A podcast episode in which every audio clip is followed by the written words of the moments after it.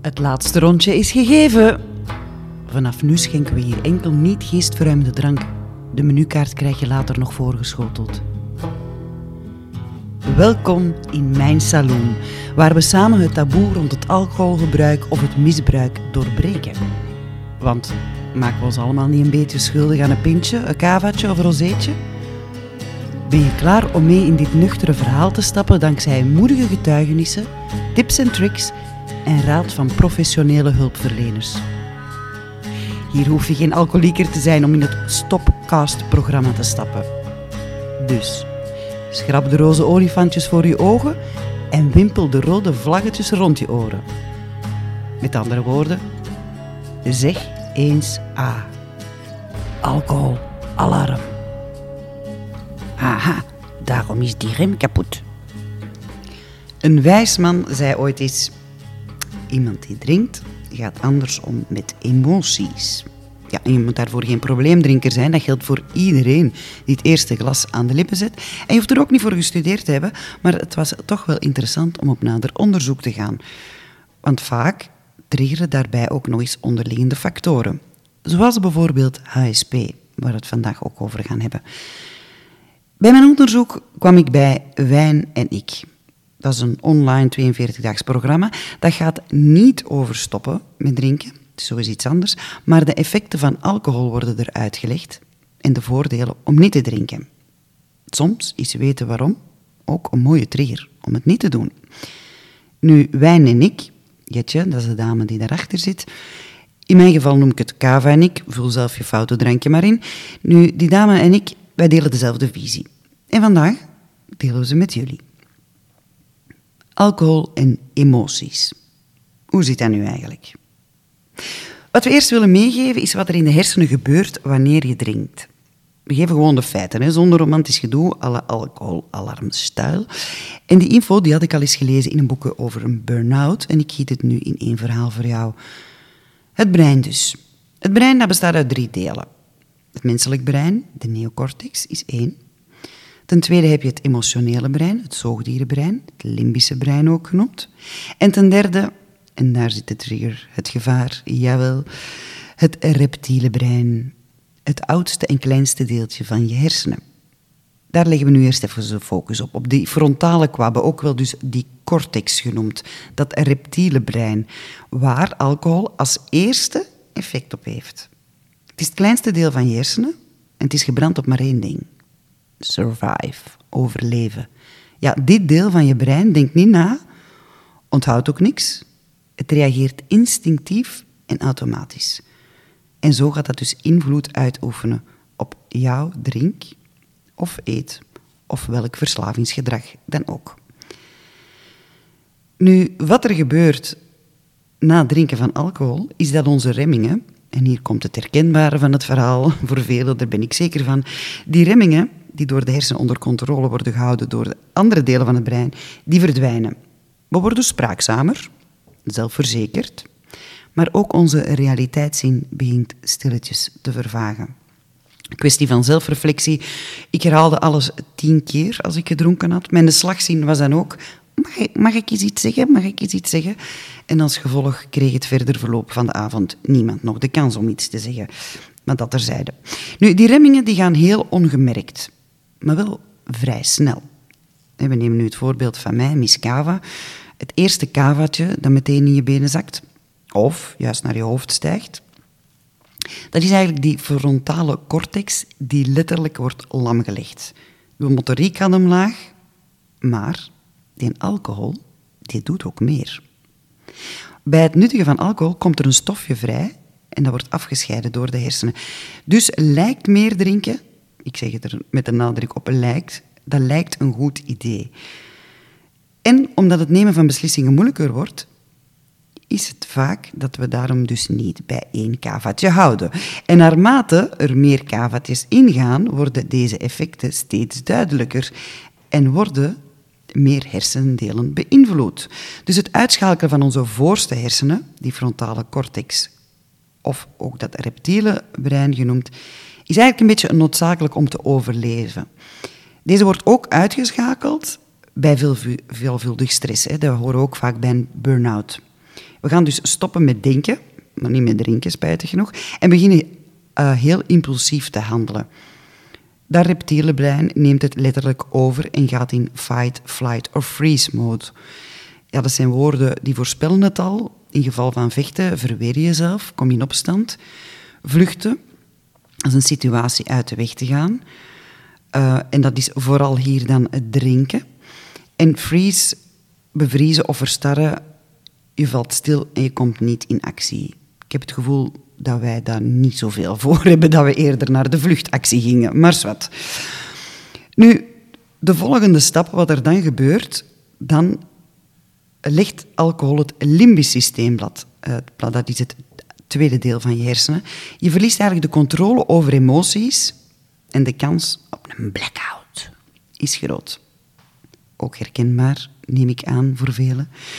Drinken beïnvloedt ons gedrag en emoties dus op verschillende manieren. Hè. En sommige mensen worden gelukkig, we weten dat allemaal, of worden juist bozig, die kwadendronk, zoals wij ook wel zeggen, of heel impulsief. Um, zoals ik al zei, vroeger was ik een sociale drinker. Ik was ook altijd happy als er ergens strubbelingen waren. Ik was de eerste om dat op te lossen. Maar met dat thuis alleen drinken, dan werd ik een valse drinker. Ik werd lastig op alles en iedereen. En je zag het zelfs in mijn ogen. Ik werd een beetje echt gemeen. Nu, om verder te gaan, alcohol verdooft emoties, soms, maar de emoties die je ervaart tijdens het drinken kunnen ook versterkt worden door dat limbisch systeem. En daarom is het uh, dat je ook makkelijker huilt, of je makkelijker ruzie maakt als je gedronken hebt. Hierdoor zijn we in onze dronken emoties vaak een overdreven versie van onze nuchtere persoonlijkheid. Patat, dat komt wel even binnen. Uh, we zijn allemaal wel eens die emotionele dronken man of vrouw geweest die ineens iedereen wil knuffelen. Of we beginnen, zoals we het in het Antwerps te zeggen, te scharen. Iedereen vast te scharen. Voor onze Nederlandse luisteraars, we kunnen gewoon weg de handjes niet thuis houden. Of we hebben de andere behoefte om in het midden van een café bijvoorbeeld te huilen. Anderen worden dan weer agressief. Nu, dat limbisch systeem, het emotionele centrum van de hersenen, uh, onze emoties en gedrag zorgt voor het lange termijn geheugen, dat wordt beïnvloed. En dit is het moment dat je dronken bent, dat je het ook zo voelt. Kunt dan informatie niet meer zo goed interpreteren en dat limbisch systeem zorgt dan voor die hysterische stemmingswisselen. Aha, aha, aha. Dus het verkeerd interpreteren van iemand bedoelingen, en dat is de oorzaak van heel veel ruzies, door alcohol versterkt worden. Ja, je zegt dingen waar je spijt van krijgt. Ja, die wijzen er eigenlijk op dat je limbisch systeem wordt beïnvloed door de drank. En dat limbisch systeem dat is ook verantwoordelijk voor het lange termijn geheugen. En de kans is dan groot dat je de dag nadien, en veel mensen die niet drinken geloven dat dat niet, maar je bent echt letterlijk stukken kwijt. En je kan bepaalde delen van de avond echt niet meer herinneren. Zoals ik het ervoor al aanhaalde, de zogenaamde blackout. Ja, daar wil ik het zeker in de volgende aflevering verder op ingaan, want uh, zo'n blackout dat vergt nog wat onderzoek. Maar soms dus verdooft alcohol ook verdriet, stress of gevoel van spanning. Maar ja, vreemd genoeg miste ik een beetje dat gevoel van uh, dat intens, dat andere gevoel van het meer intens ervaren van gevoelens. Dat moesten niet altijd negatieve zijn, uh, gevoelens zijn dat overdreven uitgelaten zijn of huilen, mijn emoties echt laten gaan of dat uren doorkwebbelen onder invloed. Ja, nu dat dat wegviel, leek ik zo oppervlakkig. En nu ga ik het woord gebruiken dat heel veel mensen van zichzelf vinden als ze stoppen met drinken. Ik voelde mij saai. Maar ik kon dat niet plaatsen, niet beschrijven. Maar nu dat ik dat begrijp van hersenen, kan ik dat beter plaatsen. Want dat hoor ik ook van heel veel luisteraars. Ik ben precies saai geworden. Maar niks is minder waar. Hè? Het is een vreemd soort balans waar je in terecht komt. En dat is nieuw. Je bent niet saai. Je bent op zoek naar je nieuwe balans. Een geruststelling, toch?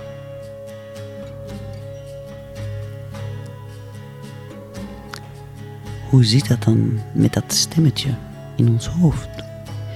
Van luisteraars hoor ik vaak: oh, ik vind dat moeilijk om de wijnix of de drangduvel het niet te laten overpakken. Nu, Jetje van Wijn en ik, die heeft ook zo'n stemmetje, ontdekte ik. Mrs. Hyde van Jekyll en Hyde. En die geeft dat dus ook een naam. Mijn luisteraars ook. Hm, interessant. moest ik toch eens van nader gaan bekijken. Een stem die vindt dat drinken de oplossing is. Ja, dat is ook die stem die zegt dat je van alles moet doen. Dat ben jij niet. En daar hoeft ook niet naar te luisteren, maar dat is ook die stem die zegt dat iets mislukt is, dat iets niet kan. Maar eigenlijk ben jij dat niet. Dat is. Hyde, zoals je dat zegt, of de wijnheks die ervoor zorgt dat je slecht voelt en daarna grijpt naar hetgeen het minst behulpzaam is. In ons geval de alcohol. Die stem die kan gemeen zijn. En als je net gestopt bent, gaat die af en toe tegen je roepen en schreeuwen. En zo hard dat je niks anders hoort dan de stem en haar redenen om nu een glas te nemen. Nu, dat ben jij niet. Jij weet beter. Jij zorgt goed voor jezelf. Jij hebt de controle. Alcohol is niet het antwoord. En het is alsof ik jullie een beetje wil betoveren nu met wat ik hier vertel, maar het, het is wel eigenlijk de realiteit. En misschien is het handig dat jij jouw stem ook eens een naam geeft. Ik ben heel benieuwd welke namen die je gaat geven. Hè? Dus ik dacht, ik ga ook eens op zoek naar een naam voor mijn stem. Ik dacht, dat is makkelijk. Evil Avy. Dat is ooit een cocktail die naar mij vernoemd wordt in een uh, stamkroegje. En dan dacht ik, ja, maar ik heb misschien nog een andere stem. Als ik in een sexy mood ben bijvoorbeeld, ja, dan ben ik Natasha met een Duitse-Roemeens accent. Niet doorvragen, ik ga er ook gewoon niet op antwoorden. Dus ja, ik heb niet twee stemmetjes, maar ik ga ze alle twee een naam geven om het eens uit te proberen of dat, dat werkt. Nu, het geven aan naam, die stem in je hoofd, die zorgt ervoor dat je het kan zien als iets dat niet van jezelf is. Dat is wel een goede truc, denk ik.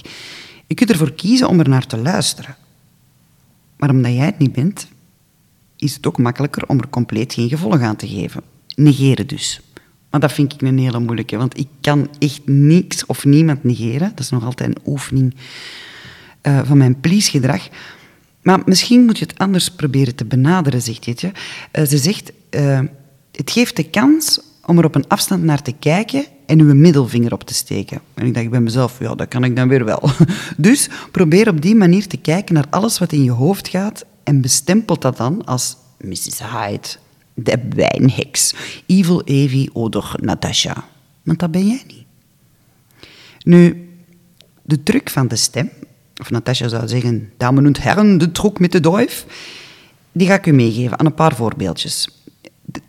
Gewoon wat je kan zeggen tegen die stem van het reptiele brein. Bijvoorbeeld, die zegt, oh, ik ben zo depressief, angstig, gestrest. Ik heb een kava nodig om te relaxen. Zeg dan zelf, depressief, angstig, gestrest, dat is niet leuk. Maar ik kan het voor een dag aan. Bedenk eens hoe trots ik morgen zal zijn als ik niet gedronken heb. Zoals ze bij A zeggen, dag per dag. Of bijvoorbeeld die wijnheks die zegt... ik kan geen dag zonder alcohol. Wel, dan zeg je zelf... Ik hoef geen alcohol te drinken toen ik een baby was, dus ik hoef het zeker niet te drinken nu ik volwassen ben. Ik denk bijvoorbeeld, wat zou de stem zeggen van Jetje, de Mrs. Hyde? My husband's wife drives me to drink by being impossible. Ja, zo klinkt die volgens mij, de Mrs. Hyde. Dan kan je ook zeggen, de slechte daden van mijn partner kunnen me niet dwingen tot drinken. Ik mag de slechte acties van mijn partner misschien echt niet leuk vinden, dat kan ik soms geloven, maar ik kan er ook nog steeds voor kiezen om niet te drinken, omdat dat beter is voor mij. Wat zou Natasja zeggen? Even denken. Hè? Uh, ich kann nicht, ich kann nicht weitermachen. Es ist zu schwer. Es ist nicht fair, dass ich nicht trinken kan. Zo zou uh, Natasja spreken als ze kwaad is. Ja, ja. ja dan zou mijn stem zeggen, ikzelf dus, kun je dag niet drinken? Natuurlijk, Natasja. Jij bent sterk genoeg om een dag niet te drinken. Voilà. En met die stemmetjes kom wel een heel eind verder, maar het is genoeg om naar mij en die stemmetjes te luisteren. Want graag deel ik nu mijn wijsheid die ik van Mieke kreeg, Mieke van Raamdonk.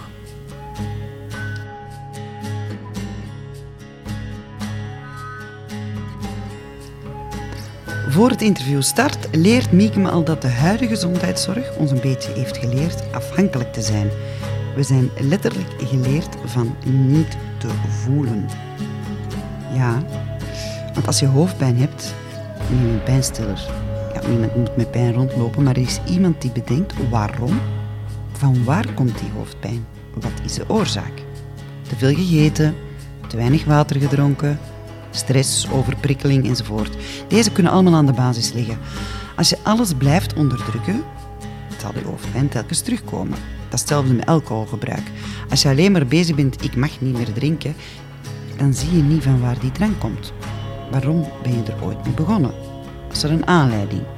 Kies ervoor om dat aan te pakken of blijf ik in mijn vertrouwde, en hier hebben we het woord weer, patroon denken.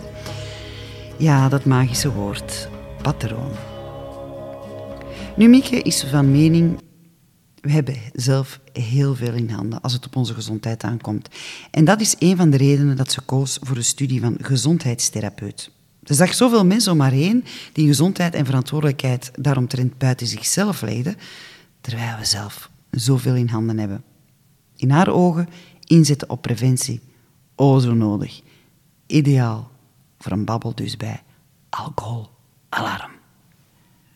Dag Mieke. Hallo, dag Evie. En welkom. Welkom in mijn salon. Merci.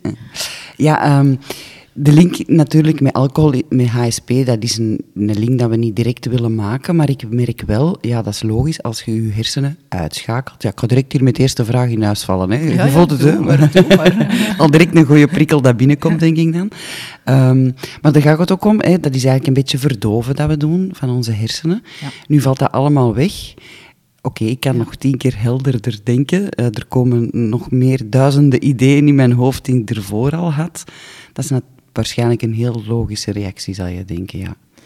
Uh, ja, dat vermoed ik van wel. Ik ben ja. niet gewoon vanzelf te drinken, dus ik kan niet dat onderscheid maken of mm -hmm. dat verschil zelf voelen. Maar ik zie wel heel vaak in mijn omgeving mensen dingen doen als ze gaan drinken die ze anders, als ze niet zouden gedronken hebben, mm. niet zouden doen. Ja. Dus, allee, of niet zouden zeggen ook. Hè. En niet zouden zeggen, ja, want dat merk ja. ik ook wel. Uh, en dat hoor ik soms ook van luisteraars, van oei, die paniekreactie, ik ben blij dat die allemaal weg zijn als ik s morgens opsta, of de blackouts, of whatever. Ja, dat kan ik mij voorstellen. Ja, voilà. Maar daar zijn we allemaal vanaf, want we zijn allemaal gestopt met drinken, of althans, we worden er meer en meer bewust van.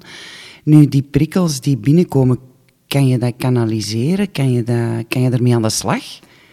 En je bedoelt, je bedoelt dan specifiek als uh, HSP zijnde? Of, ja, we zullen misschien eerst daar, daar naartoe gaan. Want ik ben nog zoekende, want ze zeggen vaak, soms zijn er onderliggende factoren waar je mee verder moet. Hè, dat, bij de ja. therapie zeggen ze dat ook. Uh, is er bijvoorbeeld een, uh, een vragenlijst waar dat je weet van, zij de HSP of niet? En het woord is al bij mij een paar keer gevallen. En zelfs nog een stapje verder, maar daar zal ik zo dadelijk op terugkomen van... Uh, misschien ben je wel hooggevoelig en moet je daar een beetje een zoektocht verder zetten. Ik weet ja, het niet. Ja, je kunt daar zeker mee aan de, aan de slag. Hè. Er, uh, er, bestaat een vragenlijst om te zien of dat je uh, HSP bent of niet. De meeste mensen die HSP zijn, die um, weten dat of die voelen dat zelf wel. Mhm. Mm -hmm. um, het moeilijke daar is soms om dat toe te geven. He, dus Mhm. wij zijn... Um, je wordt... Allez, ik, zal, ik zal van in het begin beginnen. Ja, dat is je een goed wordt, idee. Je wordt als HSP geboren. Mhm. He, dus dat is een, uh, een karakter... Allee, of dat is geen karaktereigenschap, dat is eigenlijk een persoonlijkheidskenmerk. Mhm. Um, we hebben gezien met onderzoeken dat 20% van de mensen zijn HSP. Dat is best veel. Dat is best veel. Hè. Um, maar dat is niet alleen bij de mensen zo. Dat is ook bij de dieren zo. Ah, oké. Okay. Dus 20% van de dieren zijn gevoeliger dan hun soortgenoten. En eigenlijk is dat wat in het leven geroepen om die soortgenoten te beschermen. Hm. Bij de mensen is dat voor een stukje ook zo. Hè? Of althans, zo probeer ik het te bekijken als iets positiefs. Um, wij zijn eigenlijk de kanariepietjes in, in de koolmijnen. Ja. Allee, ja, wij, wij zorgen ervoor, omdat wij veel meer prikkels opnemen en, en zaken in onze omgeving merken, zorgen wij ervoor dat de wereld een klein beetje allee, ja, rustiger aan doet. Ze luisteren er momenteel allemaal mm. niet echt naar, nee. heb ik de indruk. Maar uh, ik denk wel dat dat heel hard nodig is. Ja. Dat wij dat gaan inzetten als sterkte. Ja, vooral een sterkte, maar misschien, nu denk ik even andersom, misschien was het als HSP, ik weet nog niet of dat... Ik heb die term al lang geleden ook al is gebruikt en zoekende geweest. Ja. Maar misschien was dan die alcohol ook een vlucht een beetje om die prikkels op te vangen. Ja, dat zou best kunnen. Hè. Ja. Um, we hebben gezien dat van die 20 procent eh, van de mensen die HSP zijn, dat een vierde echt op zoek gaat om die prikkels inderdaad effectief te, ehm, ja, niet meer te voelen. Ja, op een verkeerde manier gaan wegstoppen. Met ja, hè, heel vaak is dat in, in alcohol of, of uh, naar eetverslaving toe. Um, sommige mensen gaan allee, overdreven mediteren. Uh, ja. Dus je gaat eigenlijk altijd wel een beetje op zoek naar hoe kan ik dat stopzetten. Terwijl ja. Eigenlijk is de bedoeling van oké, okay, wat doet dat met mij? Uh, wat voel ik allemaal?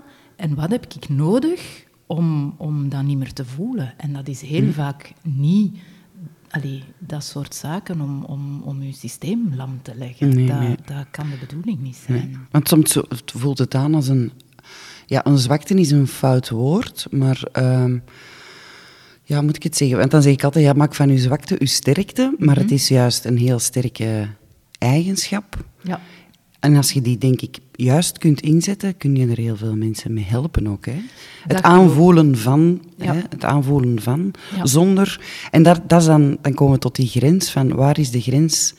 Om, want je moet je eigenlijk ook jezelf altijd, dat is altijd de eerste stap, zorg voor jezelf. Wees mild voor jezelf, hier gaan we weer, die term komt hier heel veel. Maar hoe doe je dat dan? Ja, hoe beginnen daaraan? Ja. Um, het goede is dat en als HSP zijnde hè, zelf, mm. ik denk ook niet dat je HSP-coach kunt zijn zonder HSP zelf te zijn. Dat is met alcoholcoaching ook zo dikwijls. Hè. De ervaringsdeskundige... Voilà, dat, dat geloof ik ook. Hè, onbetaalbaar. Ja.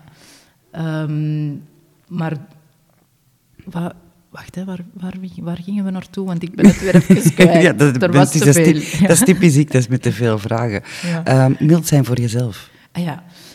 Um, ja, en dat is niet altijd zo gemakkelijk. Ja. En als je dat zelf niet zo goed kunt, is Mhm. het goede dat je daar ook hulp voor kunt vragen. Mhm. En daar is het goede bij HSP-mensen, Mhm. um, dat er is niet altijd heel veel verandering nodig om um, daar positieve zaken uit te halen. Hè. Dus dat is dan weer het, het positieve van dat verhaal. Hè. Mhm. Enerzijds hebben wij inderdaad een heel gevoelig of een veel gevoeliger uh, zenuwsysteem. Mhm. Uh, maar dat maakt ook dat er maar heel kleine veranderingen nodig zijn om dat positief te kunnen inzetten. Dus Hoor ik daaronder zo'n beetje van uh, soort van patronen ook, dat we het op moeten... Sowieso. Ja, Ja, sowieso. weer, ja. Ja. En dat heb ik inderdaad in uw podcast ook al regelmatig horen, horen Mhm. terugkomen. Um, ja, Ja, wij kunnen daar inderdaad patronen gaan doorbreken. ja. Um, en ja, nog eens, hè, het goede is dat je dat niet alleen hoeft te doen. Je kunt daar en je mag daar ook echt hulp voor vragen. Want dan ben jij er. Voilà. En, en hoe ga je dan aan de slag? Mensen maken een afspraak bij jou. Ja. Eh, dan eh, vol- volgt er een intakegesprek. Klopt, ja.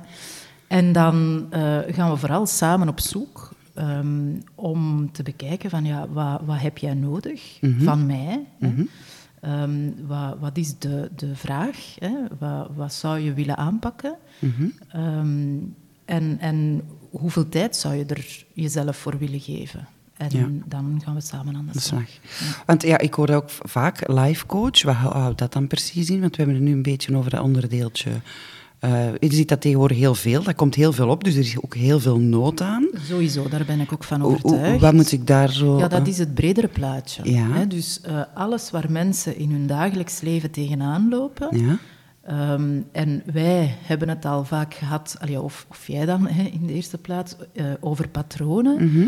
Als de moment dat je dat herkent en je denkt, oké, ik wil daarmee aan de slag, kun je bij een life coach terecht. Dus dat is echt heel breed. Dat, dat kan gaan van, um, ik zit vast in, in, in mijn werk, of ik voel dat ik heel moe ben, ik weet niet zo goed van waar dat, dat komt. Mm. wat, wat wat ik heel belangrijk vind in mijn praktijk, is om mensen terug meer te laten voelen. Omdat Oei, dan krijg ik al schrik. Ja, ja, nee, nee, maar op een juiste manier Ja. te. Ja, daar gaat het om. Hè. Ja, ja. Het is, wij zitten in een, in een maatschappij en in een wereld waar alles zo hard vanuit het hoofd gebeurt. En wij hebben een lichaam dat... En dat is echt zo, dat klinkt misschien een beetje zweverig, maar wij hebben een lichaam dat veel signalen geeft. Alleen zijn wij verleerd om daar naar te luisteren. En je kunt dat echt terug leren. Van terug meer naar... Hè, ik, ik, ik, uh, allee, ik zeg dat heel vaak tegen mensen, ik wil dat mensen leren terug uit hun hoofd naar hun buik. En dan passeerde ook je hart. Dus hoe schoon is dat? En dat Ik wou zeggen, dat klinkt al gewoon kei schoon. En ja, het klinkt ook heel herkenbaar. Ik heb dat ook al aangehaald. Ik steek, ik steek dat ook niet onder stoel of banken. Ik denk dan ook burn-out. Hè. Je Ja. zal misschien heel Ja. vaak eh, ook eh, mensen over de vloer krijgen met eh burn-out klachten. Ja. Want je, je zegt dat wel, dat klopt ook inderdaad. Leren voelen. Ik heb wel naar mijn lichaam leren luisteren. Maar dan ja, is er dat tikkeltje Evi Hendricks dat dat soms nog opnieuw vertikt. Ik voel soms die prikkels allee, in mijn hoofd. Mijn hoofd dat reageert, mijn buik die zegt nee. Maar dat hoofd blijft ja zeggen. Hè? Ja, ja, ja, ja, en dat snap ik. Ja. En, maar ook dat is een patroon dat je Ja, hè, weer klopt. kunt doorbreken. Ja. Ehm, en ik denk dat dat een stukje eh, aanvaarding is. Van, oké, dat komt hier allemaal binnen, dat is wat ik voel. En dan kun je, je maakt elke dag opnieuw maakt honderden keuzes. En je kunt op die moment de keuze maken van, oké, ik luister naar wat mijn buik mij ingeeft en even niet naar dat hart. Eh, of, of even niet naar dat hoofd, bedoel Ja, ik, sorry. ja, ja, ja. hè. Ehm, en dan gaat je veel meer dingen doen Mhm. vanuit je hart. En ik geloof heel hard dat wij dat gewoon allemaal heel hard nodig hebben. Ja, iedereen eigenlijk. Hè, Ja. Want En dan wordt de wereld een schonere plek. oh, Daar ben ik echt van overtuigd. ik vind dat iedereen al moet luisteren naar deze aflevering. Dat zal nog een goed stapje in de goede richting zijn nu.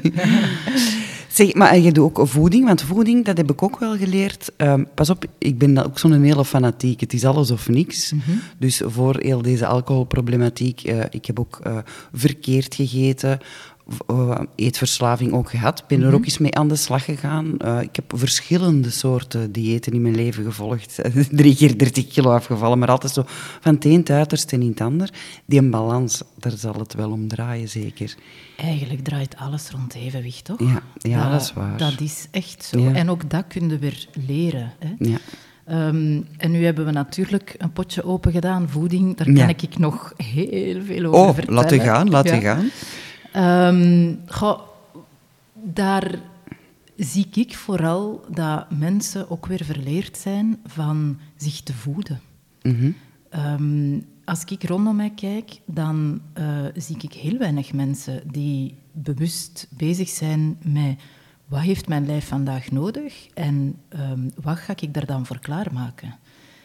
Heel veel mensen hebben gewoon een soort van gewoonte, die staan op, die eten, want ja, dat wordt zo gezegd dat dat dan moet of zo.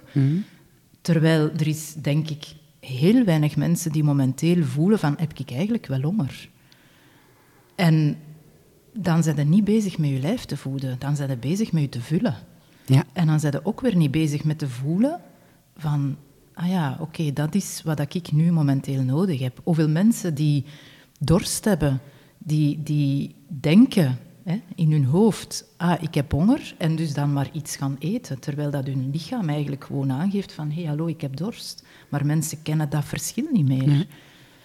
Ik ben hetzelfde met een alcoholprobleem. Je drinkt niet omdat je dorst hebt. Hè. Je drinkt voor die alcohol. En dat is ook... eh, Ja. ja. want dat is ook een beetje... Ja, hier gaan we weer. Die maatschappij, die consumptiemaatschappij. Ja. Ehm, Als je in een supermarkt binnenkomt, Ja. ehm, en dat, we moeten dat eerst goeie- alco- alcohol. Geef Meestal al is dat zo. Ja, meestal is dat Ja, inderdaad zo.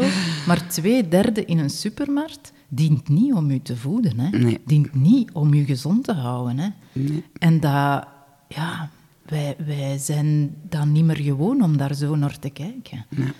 Ehm, ja, en ik geloof heel hard dat, dat je dat wel terug kunt leren. En als je je daar bewust van bent, dat je er anders naar gaat kijken. Ja.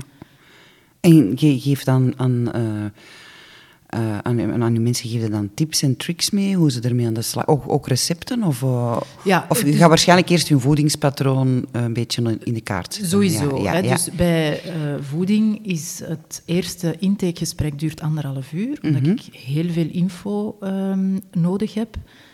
Want ik ben ondertussen ook nog aan het studeren hè, als Ja. eh, natuurgeneeskundige. Ah, ook om- interessant. ja, heel, heel Is dat dan om met kruiden aan te... Of hoe moet ik, wat moet ik Dat er... is heel algemeen. Ah, dus dat, ja. dat is de, de mens in zijn geheel, zal ik zeggen. Ehm, daar waar dat de wetenschap nu, en voor alle duidelijkheid, ik ben niet tegen de wetenschap, absoluut niet. Hè.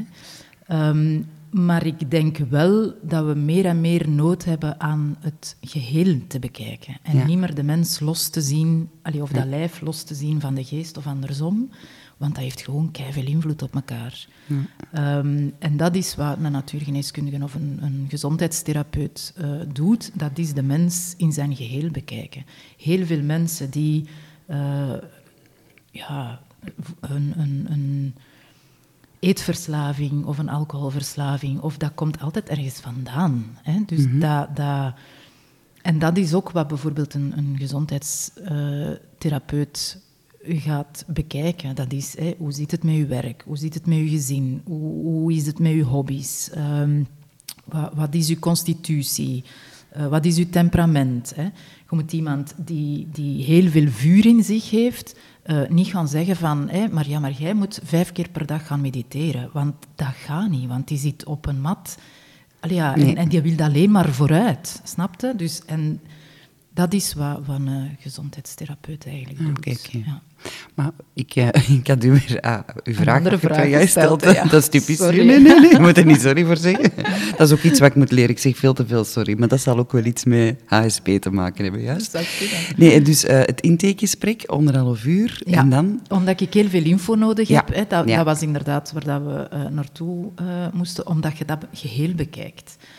Um, en dan gaan we ook weer zien, oké, wat, wat, is uw vraag? Um, waar loopt het tegenaan?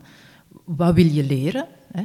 Uh, voor, voor sommige mensen is dat gewoon van, oké, wat is gezonde voeding? Um, ik vind dat altijd een heel interessante vraag, want het gaat eigenlijk over wat is gezonde voeding voor u. Mm Het is niet omdat voor u een appel goed verteert, dat die een appel voor mij goed verteert. Hè? Dus daar is het ook weer van, oké, ga voelen ga voelen. Wat heb jij hè, nodig? Maar hoe reageert je lijf op bepaalde voeding? Ook dat. Dat zijn wij ook soms verleerd. Hè. Ik heb, je hebt zelf al aangehaald, hè, zo burn-out. Ehm, ik heb zelf een aantal jaar geleden ook een burn-out gehad. En omdat ik niks, maar letterlijk niks anders kon dan, dan slapen. En, en als mhm. ik wakker was, ja, dat was niet heel lang op een dag, um, heb ik na een tijdje gemerkt van, ja, maar wacht eens even, want ik heb geen buikpijn. En dus ik was al meer dan 30 jaar gewoon van, van s morgens tot s avonds buikpijn te hebben. Maar dat is dus niet normaal. En maar ik dacht, ja, iedereen heeft standaard altijd buikpijn. Dat was iets wat bij mij hoorde. Maar door letterlijk stil te liggen mhm. en dus heel weinig te eten, want ja, je hebt dan niet zoveel nodig. En je hebt daar ook geen goesting in dan op dit moment merkte ik van, ah, maar wacht eens even. Dus daar zijn wel andere factoren die meespelen op zo'n moment. Dus het is het bredere plaatje. Maar dat hebben jullie allemaal in u. Dat is uh, van een luxe als ze naar u komen. ja. dus behalve voeding, want ja, dat vind ik ook altijd een moeilijke. Nu ook, uh, ja, ik heb heel weinig gegeten uh, de afgelopen jaren, te weinig. Dat ik gevoeld had ook. Ik denk dat ik nu misschien vitamine tekort heb. Ik, ik moet echt op onderzoek op veel vlakken. Ja. Ik ben ook altijd op zoek naar alternatieve drankjes, want dat is mm -hmm. ook zo bij ons altijd de discussie in de Facebookgroep. Alcoholvrij, niet alcoholvrij, drinkt gewoon een cola of een Fanta, maar dat is totaal mijn stijl niet. Ja. Maar er zijn nog andere mogelijkheden. Bijvoorbeeld zelf drankjes maken, dat doe jij ook. Ja, dat, vond ik ook een hele interessante. Ja, en ik zie hier van alles voor mijn neus staan, een paar flessen. Wat heb je bij? Um, ik heb sowieso van de morgen uh, mandarijntjes uh, geperst. Oké. Okay. Um, en we kunnen dat ze biedt mengen naar Met? smaak. Ik heb kombucha mee en ik heb waterkefir uh, mee. En je hebt dat allemaal zelf, zelf gemaakt? Ja, ik maak alles. Uh, ik vind dat een heel boeiend proces. Ah, wel, dat vind ik fantastisch. Want ik, ik had over laatst in een boek gelezen, ja, die kombucha, dan staat er zo'n laag, een laag. Mm -hmm. Maar dat, dat, is hier helemaal niet het geval. Hè? Ah nee, want die laag, die zit thuis. Hè, dus... ah ja? ja, ja, maar ja, leg dat eens uit. je hebt dus schimmel niet meegebracht? Nee. Ja, hier zit een klein beetje. Hè. Je ja, begint al terug een beetje maar dat is een goed teken. Dat is een, dat is een zeer goed teken. Dat wil zeggen dat de bacteriën die erin zitten, dat, dat, uh, dat die actief zijn en die zijn nodig voor ons lichaam. Ja, want het is omdat wij dat niet kennen, hè, omdat wij zeggen, al die vorige geproduceerde, die prefab dingen, van dat is allemaal zo egaal en mooi, maar Mhm, eigenlijk het beste laten we liggen. Hè? Dat, ja, heel vaak is dat zo. Ja. En het zijn de natuurlijke dingen en de natuurlijke processen eigenlijk die wij wat verleerd zijn. Mhm. Vroeger, ons, onze grootmoeders zal ik zeggen, ja, die, die, die hadden nog een tuin en die gingen zelf nog in de hof. Mhm. En, ja, dus die, die zagen ook heel dat proces gebeuren.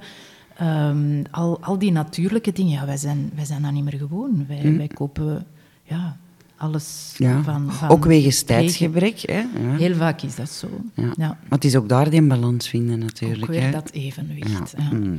Want ik zal nooit zeggen tegen mensen, dat mag niet. Nee, Dat, want dat werkt, dat werkt ook niet. niet. Dat werkt niet. nee. Ehm, het is vooral, ga, ga zelf op onderzoek, wat heb je nodig? En ik zeg ook nooit, hè, zo, wij eten ook frietjes. Ja, Allee, ja, ja. Snap je? Dus, en ook daar is het weer die balans. Je moet dat niet elke dag eten, Nee. maar natuurlijk mag je dat eens eten. En als je dat dan ja, voelt aan je lijf, van ja, dat, dat werkt, kan dat verteerd krijgen, of, of niet, hè, en je pakt een andere dag eh, of de volgende dag iets gezonder, Mhm. voilà, dan is ook weer dat evenwicht daar. Ja, want ik merk dat, ah ja, zeker met te stoppen met drinken, ik neig veel meer naar suikers.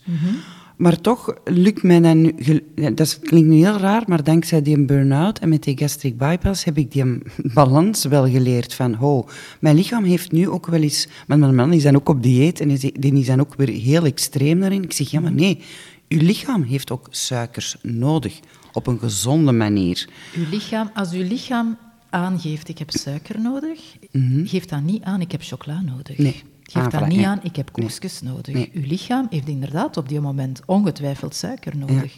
Maar dat heeft enkelvoudige suikers nodig uit fruit. Ja. Of, of uit ja, een, een, een drankje. Ehm, of dat heeft op die moment groente nodig. Hè? Ja. Dus daar zitten ook suikers in. Ja, ons lijf heeft suikers nodig, tuurlijk. Wij, wij leven op suikers.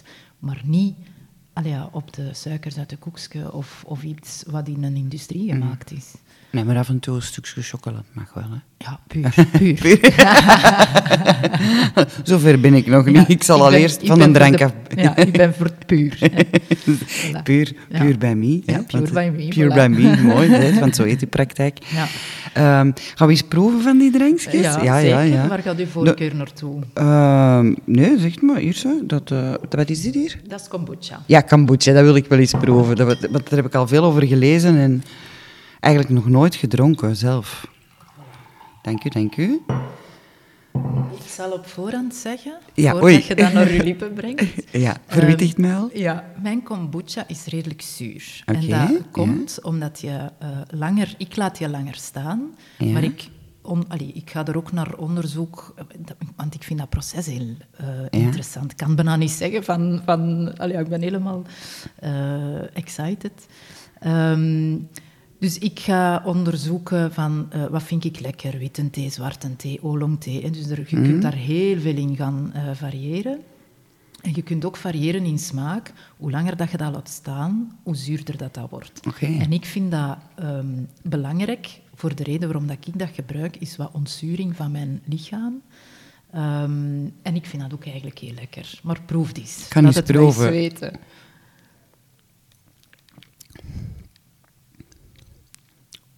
Het is goed dat je mij verwittigd hebt. Dan valt altijd... Je hebt dat slim aangepakt, hè? Ja, ik vind dat niet slecht. Ik vind dat... Ik moet al die nieuwe smaken leren kennen. Maar dat vind ik ook wel tof. Dat vind ik Ja. ook wel tof aan dit proces met stoppen Ja. met drinken. Want je grijpt altijd zo naar de gekende Ja. cava en rosé en weet ik wat. Ik leer nu heel veel andere. Want ja, mensen zeggen, ja, wat, wat schiet er op de deur op? Maar er is zoveel. Ja. En dat je het zelf kunt maken, vind ik. Want hoe lang duurt zo'n proces om dat te maken? Goh, een normale kombucha kunnen op 14 dagen. Hè. Dus Ja. je hebt sowieso een, een zwam nodig, je hebt een, Ja. een, eh, ja, een starter nodig, zal ik zeggen. En eh, dat kun je bij mensen die dat zelf, ja, waar, die zelf aan de slag zijn, zal ik zeggen, daar kun je altijd een stukje afknippen en dan kun je zelf dat verder eh, Oké. brouwen. Ehm, en dan kun je gaan zien naar smaak. Ik kan me heel goed voorstellen, als je dat niet gewoon zet om dat te drinken, ehm, maar het smaakt toch wel. Ja, dus ik ben nog eens aan het drinken. Hè. Ik moet ook ook kunnen proeven. Hè. Ik Voilà. Ehm, ben dan altijd een goede beter- drinker geweest. Ja. Ehm, maar dus is het eh, in het begin, denk ik, belangrijker dat je het niet zo lang laat staan. Ja. Want dat wordt alleen maar... st- En dat wordt, ja, dat wordt eh, sterker, dat wordt Oké, zuurder. Ja, Mag ik nog eens iets proeven? tuurlijk. Zullen we voor de kefir gaan? De kefir, ja, oké.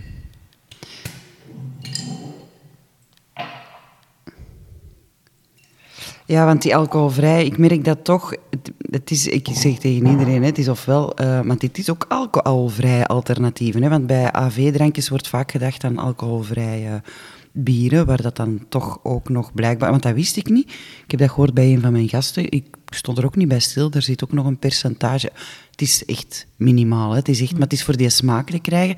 Het is meer dat die bieren ook echt ehm, de smaak dicht bij het de smaakbier krijgen. En bij de wijn is dat niet zo. Hè. Dat zijn echt heel zure, eh, zoete, zoete drankjes.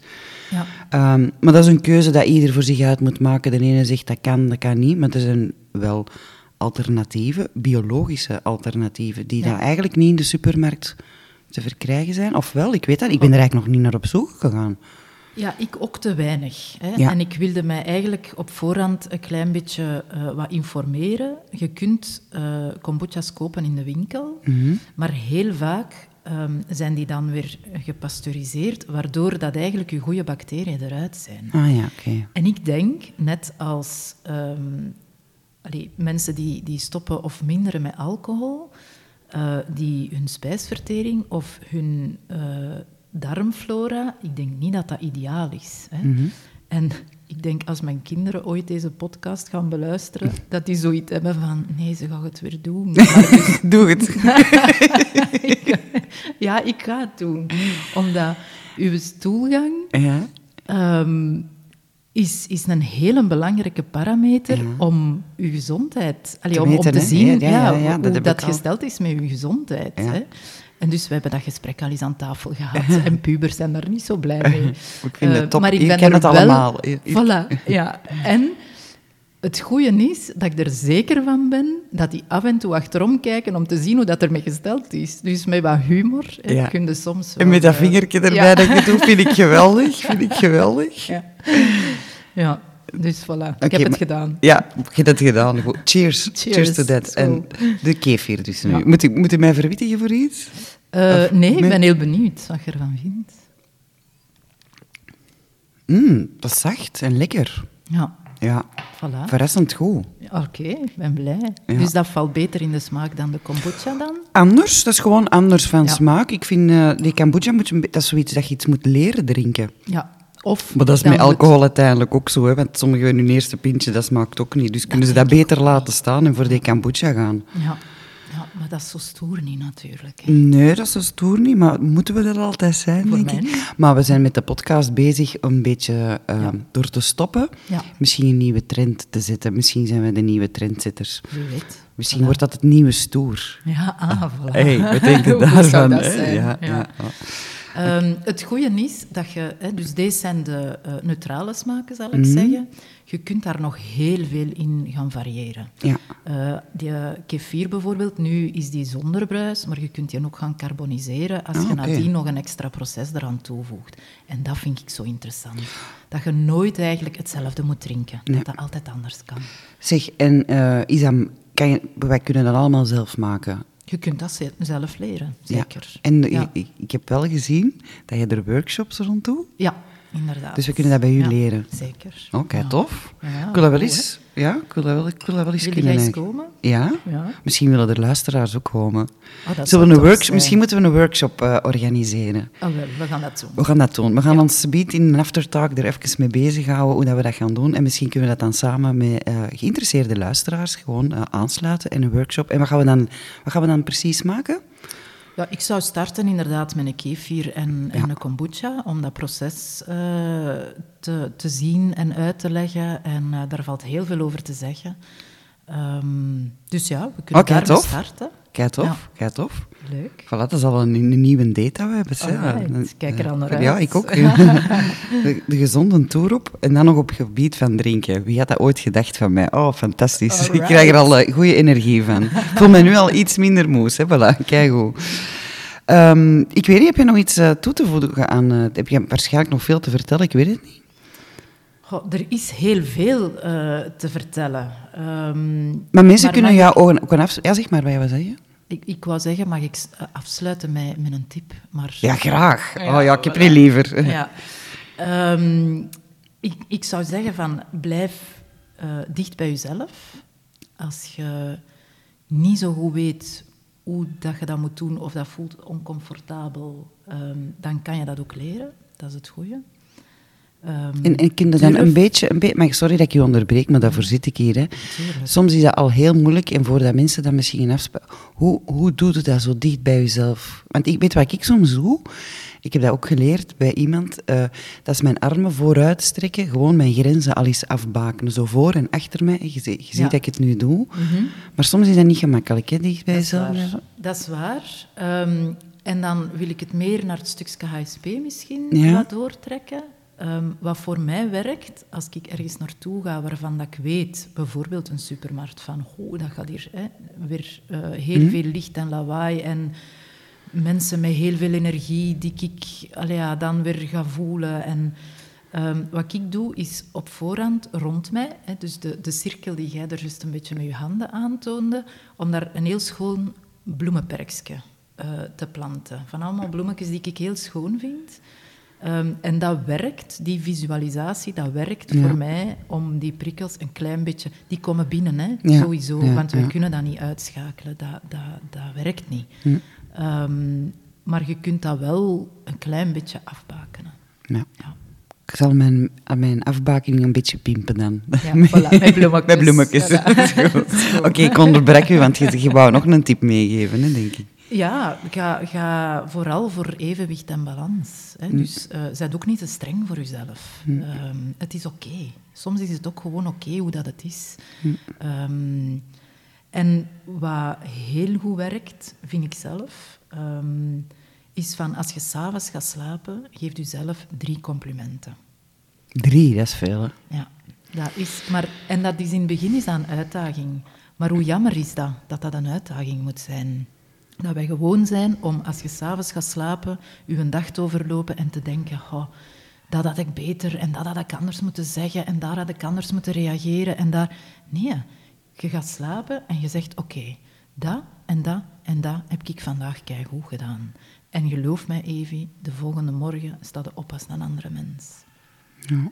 Dat maakt de wereld een betere plek, ik ben er zeker van. Schoon. Mag ik u drie keer bedanken voor uw kennis, voor uw warme babbel en voor de drankjes? Ja, en dank u wel uh, om uh, mij hier uh, Nee, nee, nee, heel graag gedaan. Voilà, als luisteraar kan je zelf Mie natuurlijk terugvinden in onze bio. En bedankt Mieke, tot de volgende keer. Hè. Dank u wel, Evie, heel graag. Dank u. Heel wat taakjes deze week.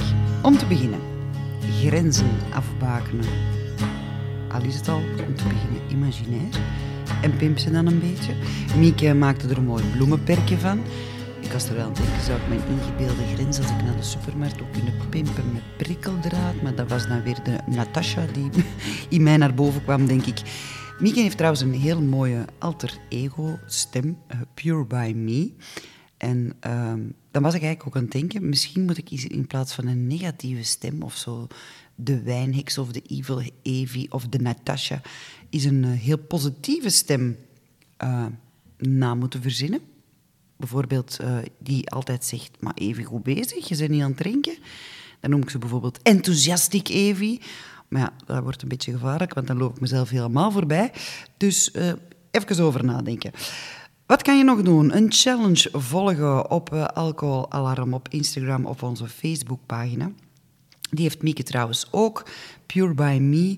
Uh, ze heeft ook een website als voedingsconsulent. Alle informatie daaromtrent kan je terugvinden in onze bio.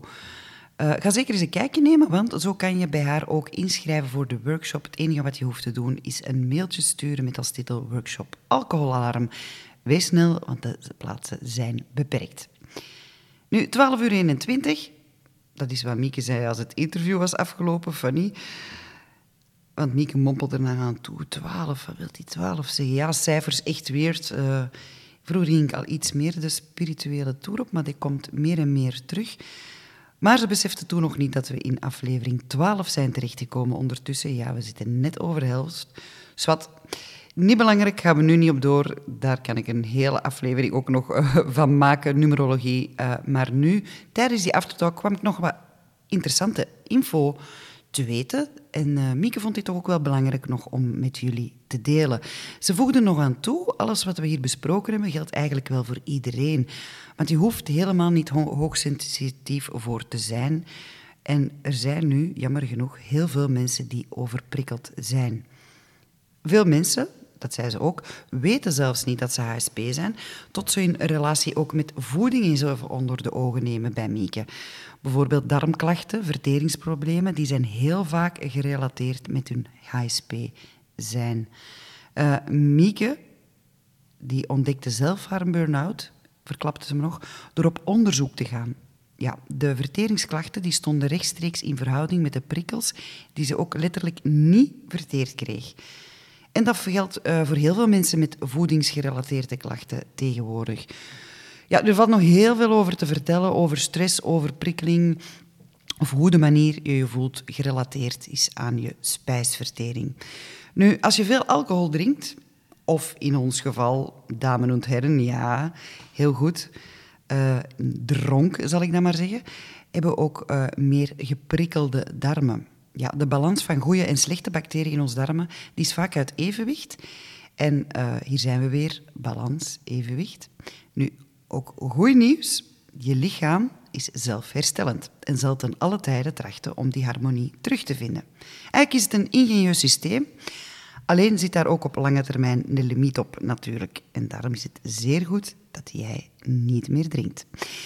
Nu, het goede nieuws is ook dat we kunnen ondersteunen met dus je voedingspatroon, bekijken. En ook zelfs met hele kleine, lichte aanpassingen kan je al opvallend veel verbetering toebrengen. En niet drinken, blijf tot in herhaling vallen. Maar herhaling is soms ook niet slecht. Het is deze keer geen patroon, maar herhaling niet drinken. Ja, Mieke wil ook nog even zeggen, je bent HSP, je hebt geen HSP. Hè. Ze spreekt ook over HSP zijn. Hoogsensitiviteit, dat is een persoonlijkheidskenmerk en geen aandoening. Ze is ook geen fan van hokjes denken. Uh, en ze kleeft er al niet graag etiketjes op. Maar soms helpt het je wel om uh, jezelf gewoon wat beter te leren kennen en inzicht te krijgen waarom je iets doet, je manier van voelen, denken en je zijn. Um, moest je toch zelf herkennen in hetgeen wat we tijdens de podcast hebben besproken, uh, op haar website vind je ook nog een vragenlijstje die ze speciaal deze week nog gaat opzetten.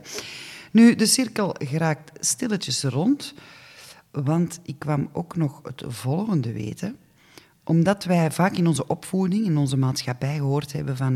Doe eens niet flauw, moet je nu weer al wenen, zet eens flink, stel je niet aan. Ja, denken heel veel mensen die HSP zijn al snel dat ze tekort schieten en uh, niet goed genoeg zijn. Ja, check. Uh, waardoor een enorm, enorm please-gedrag kan ontstaan. Check, check, check, zou ik zeggen. En nu komt het, zo toen zei ze, er zijn ook heel wat mensen die perfectionisme hebben ontwikkeld. Ja, 87.000 keer. Check, check, check. Ja, het gaat allemaal heel snel en hard in onze huidige maatschappij, waar uh, ja, een vierde van de mensen die ASP zijn gemakkelijk naar alternatieven grijpt. Hè? Denk maar aan alcohol, om die overprikkeling uit te schakelen.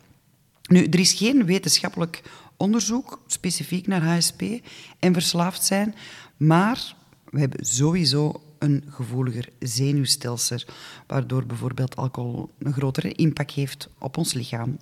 Dat hebben we nu toch wel geleerd vandaag, dat mag ik nu toch wel zeggen. Hè? Ja, nu hoor ik u denken, even na al die afleveringen te luisteren, ben je dan zo'n perfectionistische, hooggevoelige HSP-bitch met een burn-out en een drankprobleem? Ja, dat klinkt allemaal heel zwaar als je dat allemaal optelt. Nee, maar het is een, uh, een een optelsom van veel dingen. En een puzzel eigenlijk die ook weer in elkaar valt. En ik ben zelfs geen HSP, ik ben zelf HSS. Dat is nog een andere vorm, High Sensational Seeker, voor moest je het nog niet weten. Maar ik ga hier niet op in detail gaan, omdat het maar een heel pers klein percentage is dat dat behelst. Uh, ik kan heel kort over zeggen, HSP is vaak introverte type en HSS zeer extravert. Heel kort samengevat, uh, ik druk op de rem en de gas tegelijk. Voilà, meer gaan we het er niet over hebben. Google het maar eens, zou ik zeggen. De probleemdrinker, nee, dat ben ik niet meer. Ik ben gestopt. En perfectionisme, ja, daar kan ik aan werken. Dus het gaat hier uh, de goede kant uit, heb ik uh, zo de indruk, na alles wat ik hier leer van mijn boeiende gasten. Nu, er is over deze materie nog heel veel te zeggen en veel terug te vinden. Zoals gezegd, ik kom later nog terug op de blackouts en een burn-out en alcohol, ook niet uh, oninteressant. Dus het is tijd, jawel, om deze podcast, waar ik lang op gebroed heb, los te laten. Net zoals een kip die een ei uitbroedt. En als je te lang bij een ei blijft zitten, dat is niet gezond. Nu snap ik ook van waaruit er ging komt. Stresskip. Je ziet het en je hoort het. Er zijn heel veel mogelijkheden in nazorg en programma's dat je bijna geen excuus meer vindt om het niet te doen. Hierbij bedank ik Mieke, bedank ik ook Getje van Wijnen en ik voor de boeiende bijdrage. En na een week vol zelfzorg, weer deze week te volgen op onze social media, laat ik volgende week een nieuwe getuige aan het woord. Dan uh, laat ik aan het woord de zorgverlener die zelf zorg nodig had. Als afsluiter deze week een songtekst aangereikt door Mieke uh, en net zo min als ik vorige week ging rappen, ga ik hem nu ook niet zingen, geen stress. Maar ik deel graag de lyrics in alcohol alarmstijl. Het sluit helemaal aan bij deze aflevering, zonder dat Mieke wist wat ik als intro nog allemaal zou prijsgeven. En het nummer vind je wel terug in je favoriete muziekapje. Uh, de titel is India van Inge Ari en de titel is I Am Light. Maar ik breng hem nu, zoals gezegd, in mijn eigen gerijde versie. Tot volgende week! Ik ben licht. Ik ben niet de dingen die mijn familie deed. Ik ben niet de stemmen in mijn hoofd. Ik ben niet de stukjes van de gebrokenheid van binnen. Ik ben licht. Ik ben niet de fouten die ik heb gemaakt of de dingen die me pijn hebben gedaan. Ik ben niet de stukjes van de droom die ik achterliet. Ik ben licht. Ik ben niet de kleur van mijn ogen, ik ben niet de huid aan de buitenkant. Ik ben niet mijn leeftijd, ik ben niet mijn ras. Mijn ziel van binnen is helemaal licht. Alle licht. Ik ben licht. Ik ben goddelijkheid gedefinieerd. Ik ben de God van binnen. Ik ben een ster. Een stukje van alles. Ik ben licht.